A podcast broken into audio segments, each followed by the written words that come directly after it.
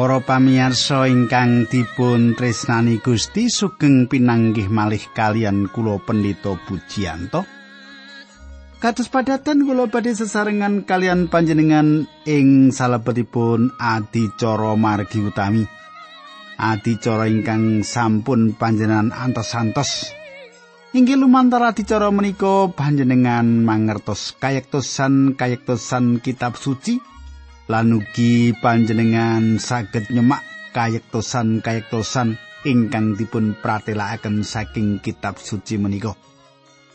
Panji ing pandonga kula lan pangajeng-ajeng kula panjenengan nampeni berkah kasukman ingkang kathah dados kiyating panjenengan ngadepi cobaning gesang wonten ing jagat menika.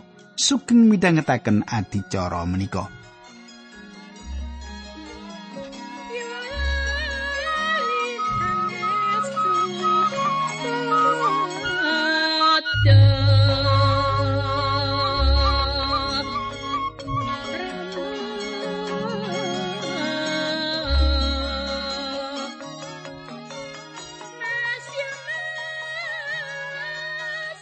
Para pamirsa ingkang kula tresnani,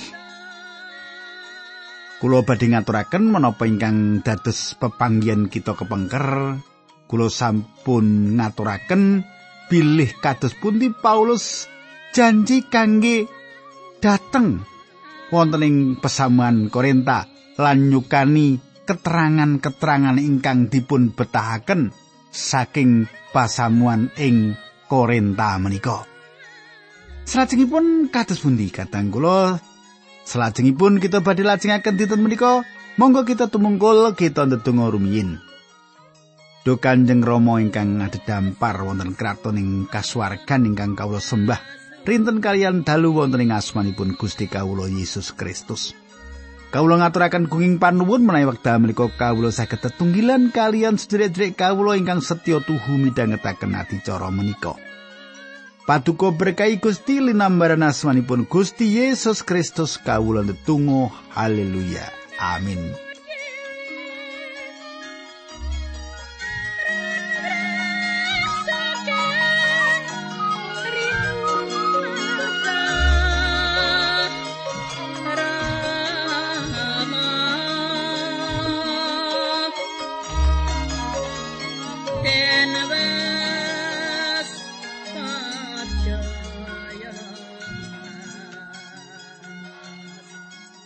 pamirsa samenika pasinon kita sampun lumebet ing kitab setunggal Korintus kaliholas. Samenika pasinon kita sampun lumebet ing kitab setunggal Korintus kaliholas. Perangan kawitan saking setunggal Korintus sesambetan kalian batek daging. Pasal kaliwas miwiti perangan ingkang inggal ingkang wonten gegayutanipun kalian toto kasukman. Tigang pasal ingkang kawitan kegayutan kelan ganjaran-ganjaran kasukman, pasal kaliwas peparing ganjaran, pasal 13 pengawas ganjaran, pasal kawan belas mupangatipun ganjaran. Samaniko wiwit ayat setunggal, bab kaliwas setunggal korinta. Saiki bab peparingi sang roh, he poros dulur karpu kue podo nyumurupono ing sak beneri. Para pamirsa tembung peparinge inggih menika tembung ingkang dipun tambahaken kangge supados cetha. Ing The Revised Standard Version peparing menika dipun tegesaken ganjaran-ganjaran kasukman. Ing salebetipun The New English Bible leripun ganjaran-ganjaran kasukman. Ing The Berkeley Translation leripun peparing kasukman. The Scofield Reference Bible gadah seratan ingkang sae kegayutan perkais menika tembung Yunani pun inggih menika pneumatika ingkang secara harfiah liripun kasukman. Toto kasukman sanget benten kalian kedagingan. Toto kasukman menika sanget benten kalian kedagingan. Sinten kemawon boten perlu nambahaken tembung-tembung peparing-peparing. Wangsul dateng pasal 3. Paulus ngrembak kekayutan anggenipun merang ing antawisipun tiang-tiang pitados ing Korintus lan piyambakipun nyerat. Ana dene aku para sedulur nalika iku ora bisa guneman karo kowe kaya marang wong kasukman. Nanging mung kaya marang wong kedagingan kang durung dewasa ana ing Sang Kristus. Setunggal Korintus 3 ayat setunggal. Perangan ingkang kawitan menika ngrembak gegayutan kalian kedagingan awit pitakenan-pitakenan pesaman wonten ing bab kedagingan. Lan perkawis-perkawis tiang Kristen jasmani ingkang perlu pikantuk kawigatosan. Kedagingan kegayutan kalian kapisah-pisahipun pesamuan. Cecongran antawisipun para pemimpin, gegayutan ngibadah dumateng brahala, gegayutan wonten ing ngajengipun pengadilan awit pasulayan antawisipun sesami tiang pitados, perkawis-perkawis seks, rasukan tiang setri lan rambut tiang jaler, nedo-nedo watek rakus lan dem-deman ing bujana suci. Sedaya menika watek kedagingan lan jaman samenika kita manggihi perkawis ingkang sami wonten ing gereja. Perangan kedagingan asipat andadosi. Para pamiyasa, samenika kita lumebet ing perangan kasukman. Lan perkawis menika ingkang migunani. Paulus remen ngribah pokok pirembagane wekdal dumugi ing pasal 12. Paulus nyawisaken badanipun kangge rerembagan perkawis-perkawis sanesipun sesarengan kalian pesamuan. Nanging Paulus gadah kekajengan kanthi saestu badhe ngrembak babagan kasukman. Gereja modern perlu ngribah pokok-pokok pirembagan ingkang sampun lawas. Kata program gereja ingkang boten biyantu para nem-neman nyaketaken badanipun ing kitab suci. Gereja ngawontenaken komrensi-komrensi kegayutan kedagingan menapa kemawon ingkang sawek misuwur utawi dados mode ing wekdal menika. Sedaya menika minangka tandha kedagingan. Ing perangan menika Paulus badhe ngrembak tigang perkawis. Roh ingkang manunggalaken pepaken katresnan lan kamimpangan tiang pitados ing salebetipun patangin. Ganjaran-ganjaran roh kalarsan dados salah satunggal toto kasukman. Ayat kalih kowe rak padha sumurup yen ing nalikane kowe durung padha wanuh karo Gusti Allah tanpa kok pikir kowe padha kagending marang brahala-brahala kang bisu. Para pamirsa, Brahala menika mboten saged sanjang. Brahala-brahala menika bisu. Emut Bilih Paulus sadaringipun sanjang, bilih brahala-brahala menika ora ana gunani. Inggih menika alasanipun kenging menapa daging ingkang dipun pisungsungaken dumateng brahala mboten najis. Brahala-brahala menika mboten wonten napa-napanipun. Emanipun emanipun saben tiyang boten saged mangertos perkawis menika. Wangsal ing Mazmur 115 ayat gangsal, priyantun ingkang nyerat Mazmur sanjang. Apa gunane reca tatahan kang ditatah dening sing gawe? Apa gunane reca kang dijer? Juru mulang kang ngapusiku awit kang gawe reca kuwi percaya apa kang digawe kamangka brahala-brahala iku bisu. Panjenengan saged maos Habakuk kalih ayat 18. Perkawis ingkang perlu dipun gatosaken inggih menika Paulus ngrembak gegayutan ganjaran-ganjaran ingkang dipun paringaken Gusti Allah dumateng tiang-tiang pitados. Dados ingkang kawitan pindah Paulus ngimutaken pesamuan kados pundi pasamuan saderengipun dipun beto dumateng para brahala kang bisu menika. Kita lajengaken ayat 3. Mulane kowe padha ndak sumurepake yen ora ana wong kang tlatune merga saka Roh Gusti Allah, kok bakal kondo Yesus kena ing ipat-ipat lan uga ora ana wong kang bisa ngakoni Yesus iku Gusti yen ora marga dening Sang Roh Suci. Para pamirsa, ing mriki wonten kayektosan ageng. Kayektosan sawetahipun kangge gesang Kristen inggih menika kealahanipun Gusti Yesus Kristus. Ora ana wong kang clatune merga saka Roh Gusti Allah kok bakal kondo Yesus kena ing ipat-ipat. Panjenengan boten kenging nganggep remeh Gusti Yesus Kristus ketimbang kalian Sang Roh Suci. Menika boten pajen ugi lan uga ora ana wong kang bisa ngakoni Yesus iku Gusti yen ora merga dening Sang Roh Suci. Oh, sampun tentu saged ngucapaken tembung Gusti nanging emut menapa ingkang Gusti ngendikaaken. Ing Injil Matius pitu ayat selikur ngantos tiga likur. Kang bakal mlebu ing kratoning swarga iku dudu anger wong kang ngucap marang aku, Gusti, Gusti, nanging mung wong kang nglakoni sakarsane ramaku kang ana ing swarga.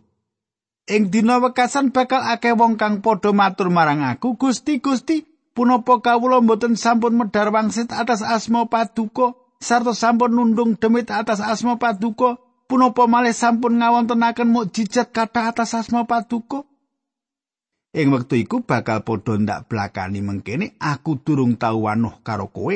Padha sumingkira saka ing ngarepku he wong kang padha gawe duraka Para pamirsa kenging menapa kados makaten dadosipun Awit pratela tiang-tiang menika namung tata lahir kemawon Gusti Yesus mboten gustinipun tiang-tiang menika Para pamirsa Andadosaken Gusti Yesus minangka jejeripun Gusti menika satunggalipun keyakinan jiwa. Menapa ingkang dados pusering kayekto saniman kita? Wonten ingkang paring wangsulan salib Sang Kristus nanging kula radi mboten sarujuk. Sinaosa kita suwaning salib supados dipun wilujengaken nanging kita mboten manggen ing salib. Kita dipun tunggalaken kalian Sang Kristus ingkang gesang inggih menika perkawis ingkang penting piyambak. Panjenengan katosaken kados pundi Simon Petrus ngringkes menapa ingkang dados sanjangipun ing dinten Pentakosta. Awis saking menika rakyat Israel sedaya kedah mangertos kalian saestu bilih Gusti Allah sampun jumenengaken Gusti Yesus ingkang panjenengan salib menika dados Gusti lan Kristus. Para rasul kalih ayat 3 dosa 6. Para pamirsa, panjenenganipun inggih menika Gusti. Panjenenganipun menika ingkang kagungan panguwas. Panguwasipun inggih menika ingkang penting piyambak wonten ing salebetipun gesang tiang Kristen. Sang Roh Suci paring dawuh supados bangun turut secara kajiwan lan setya dumateng Gusti Yesus. Gereja sejati menika warganipun inggih menika saking tiang-tiang ingkang nglempak ing sakiwa tengenipun kayatosan menika. Kados jeringkang dipun jarwaaken dening Sang Roh Suci. Sang Roh Suci njarwakaken Gusti Yesus ingkang minangka jejeripun Gusti ing gesang kula. Emut badhe wonten pitakenan ageng ingkang dipun paringaken Gusti Yesus. Nanging tumraping kowe, aku iki sapa? Matius 16 ayat kang 11. Gusti Yesus tasih ndangu perkawis ingkang sami. Panjenengan saged gadah pendamelan menapa kemawon. Panjenengan saged werni kulitipun benten-benten. Werni kulit menapa kemawon. Lan panjenengan saged gadah kalenggahan menapa kemawon. Sinten panjenengan menika? Ing pundi panjenengan? Kados pundi panjenengan? Gusti Yesus ndangu panjenengan. Nanging manut kowe, aku iki sapa? Gusti Yesus ndangu dumateng para murid kagunganipun lan Petrus atur wangsulan atas nami kelompok. Petrus atur wangsulan paduka menika Sang Kristus putranipun Allah ingkang gesang. Matius 16 ayat 16. Panjenenganipun ingkang dipun jebati, panjenenganipun menika Sang Raja, panjenenganipun menika Gusti. Mboten wonten satunggal tiang ingkang pantes ngladosi Sang Kristus saderengipun tiang menika dipun kuasani dening Sang Kristus. Kita sampun sinau langkung rumiyin ing salebetipun serat kintunan menika. Samenika Paulus negasaken perkawis menika malih. Pakaryan Sang Roh Suci ingkang manunggalaken jaman samenika ngandut tujuan nglairaken sipating Allah Gusti Yesus dumateng sedaya tiang pitados.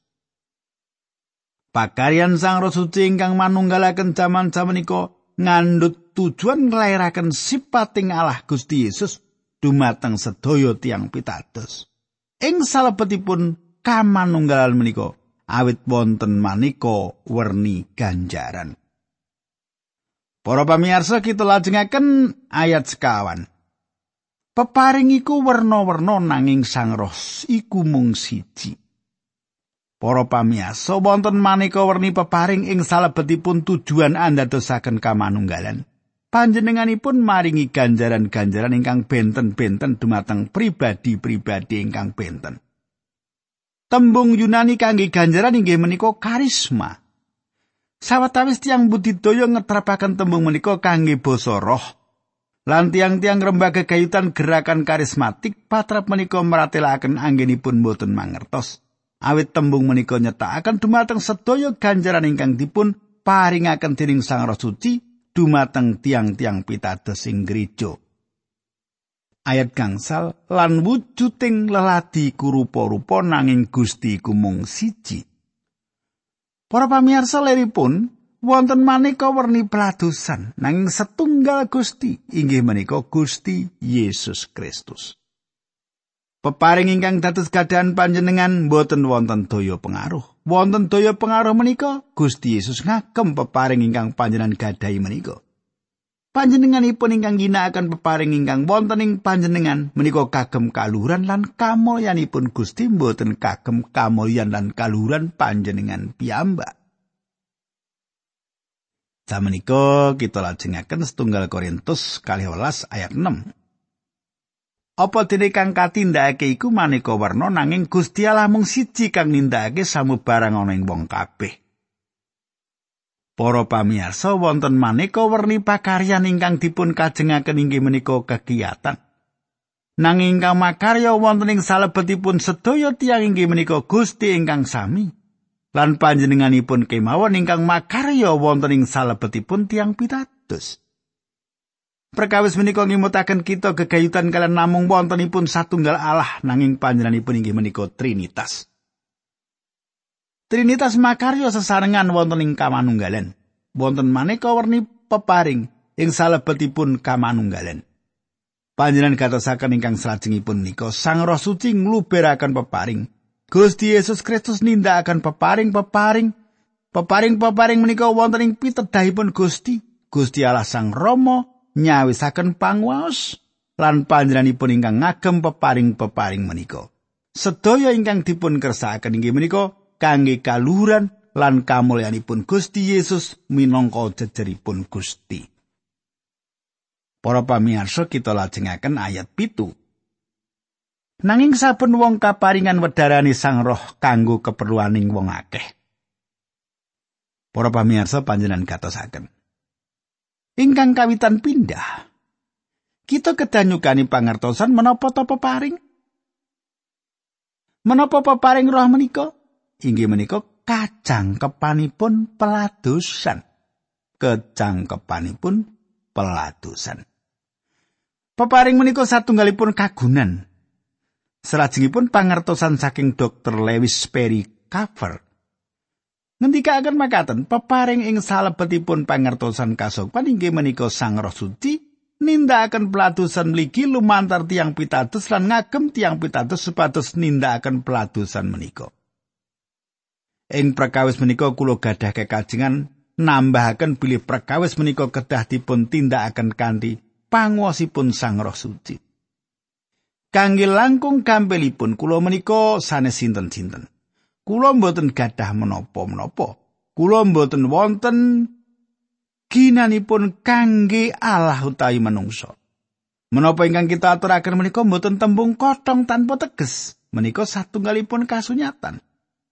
nanging panjenenganipun paring kula peparing lan kula kedan nindakaken peparingipun menika ingkang dipun kajengaken kula pitados dumateng satunggal-tunggalipun cara Sang Roh Suci njilmakaken sariranipun ing salebetipun gesang kula Salajengipun nanging saben wong kaparingan wedharane Sang Roh kanggo keperluane wong akeh.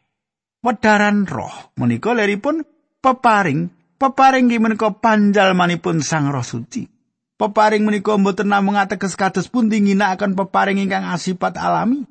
Upaminipun wonten wanita gadah peparing saged nyanyi. Wanita menika gadah swanten ingkang ngiram-iramaken, nanging menawi piyambakipun boten nyanyi kanthi panguwasipun Sang Roh Suci, Gusti Allah boten saged ngagem wanita menika. Inggih menika sebabipun kenging menapa musik ing salebetipun gereja jaman samenika rata-rata kasilep lan asor kados makaten. Tiang-tiang ingkang main musik gadah pikiran bilih satunggal satunggalipun ingkang dipun betaken inggih menika talenta lan latihan. Tiang-tiang kalau wau gadah pikiran menawi gadah menika saged mainaken musik lan Gusti mboten saged tumindak menapa-menapa tanpa piyambakipun. Kasunyatanipun ingkang wonten pikiran tiang-tiang menika Gusti mboten saged menapa-menapa menawi tanpa tiang-tiang menika. Kulo pitados bilih Sang Roh Suci saged ngginakaken bakat tiang pitados menawi tiang pitados nyukani wewengan Gusti Allah makaryo. Nanging bakat alami kemawon mboten wonten napa-napanipun saderengipun dipun kuwaosi dening Sang Roh Suci. Wonten tiang-tiang ingkang mboten gadah bakat alami ingkang mriki, tiang-tiang menika sanjang bilih awit tiang-tiang menika mboten saged nyanyi ing paduan suara utawi mucal sekolah minggu. Mboten wonten ingkang saged dipun tindakaken kajawi lenggah wonten ing bangku gereja. Inggih menika salah setunggal kalepatan ingkang gegirisi ingkang wonten ing gereja ayat menika nyukani mangertos bilih saben tiang pitados gadah peparing saben tiang pitados nanging saben wong kaparingan wedharane sang roh suci kanggo keperluane wong akeh.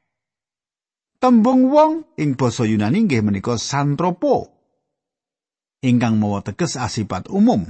Ingkang liripun inggih menika priya lan wanita, lari jaler lan lari setri, sinten kemawon panjenengan boten dados soal menawi panjenengan putra Allah pramila panjenengan gadah peparing. Panjenengan kalebetaken ing salebetipun badan tiang pitados minangka gegelitanipun badan menika. lan panjenengan ketami gunani minangka jejeripun kegelitanipun sariranipun Sang Kristus. Nanging saben wong kaparingan wedharane Sang Roh kanggo keperluaning wong akeh. Menapa tujuanipun peparing? Tujuanipun inggih menika mbangun gereja, badan tiang pitados. Perkawis menika mboten kedahipun dipun tindakaken landesan kumingsunipun, nanging kangge nyukani pitulungan kasukman dumateng tiang-tiang pitados sanesipun. Samenika ayat 8, sabab kang siji kaparingan dening Sang Roh ganjaran bisa guneman kanthi kawicaksanan, sijine tanpa peparing bisa guneman kanthi kawruh saka Sang Roh Suci. Iku uga Para pamirsa kawicaksanan ateges kawruh kegayutan kayektosan. Kulo gadah pemanggih mboten sedaya tiang saged mangertos kitab suci. Lan inggih menika sebabipun kenging menapa kita mbetahaken guru lan Sang Roh Allah paring kita guru. Kawicaksanan inggih menika kawruh gegayutan kayektosan pangandikanipun Allah. Kawruh leripun naliti utawi nyinau kanthi lebet kayektosan. Kathah tiang ingkang boten gadah wekdal naliti pangandikanipun Gusti Allah. Wonten tiang ingkang biyantu babakan program-program makaten menika. Kulo sinau naliti pangandikanipun Gusti Allah. Kulo saged mestani menika peparing kasukman kulo. Kulo lan tiang ingkang biyantu pembiayaan menika sami-sami nyambut damel minangka mitra. Kulo lan tiang menika nindakaken peparingipun piyambak-piyambak. Menapa ingkang kawula tindakaken? Inggih menika ngladosi Gusti Kamil to. Ayat songo, kang siji keparingan percaya ya dening Sang Roh iku mau, lan sijine peparing bisa marasake ya saka panjenengane uga. Para pamirsa panjenengan gatesaken tembung pracaya, kita dipun paringi mangertos. Ing salebetipun kitab suci, pracaya utawi iman inggih menika wontenipun perkawis-perkawis ingkang dados pengajeng-ajeng. Sawetawis tiang gadah peparing iman, kathah tiang ingkang asring ningali samukawis saking tetinggalan ingkang boten wonten pengajeng-ajengipun. Ing saben gereja ingkang kula ladosi, Gusti Allah maringi kula sederek-sederek ingkang gadah peparing iman. Asring wonten ingkang ngemutaken kula bilih satunggal lampahan badhe dumados. Lan panci menapa ingkang dipun sanjangaken menika dumados saestu. Sederek menika gadah iman, ganjaran kasukman iman kula mboten. Iman menika peparingipun roh. Selajengipun lan siji-siji peparing bisa marasake ya saka panjenengane uga. Menika leripun ingkang saged dipun sarasaken kanthi katumpangan asta.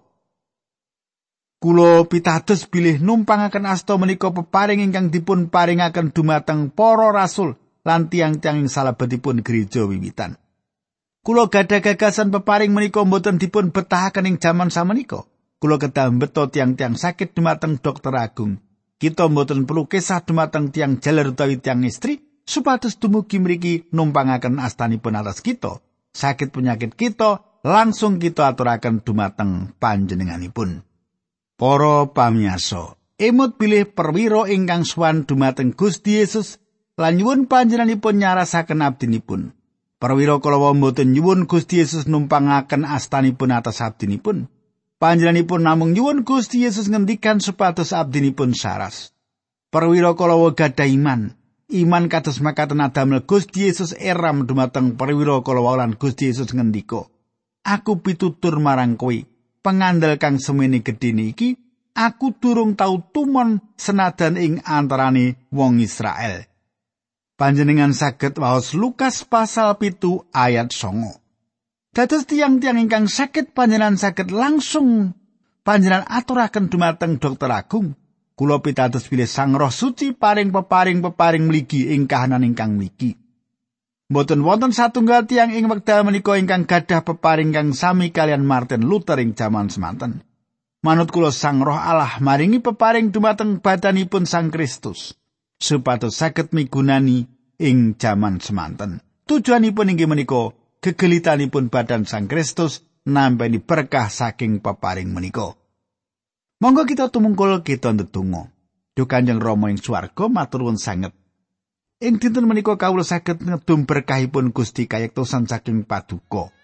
Kawula pasrahaken berkah paduka wonten ing asta paduka supados paduka Pesokaken dateng sedherek kawula ingkang midhaketaken adicara menika. Linambaran asmanipun Gusti Yesus kawula nutunggal haleluya. Amin.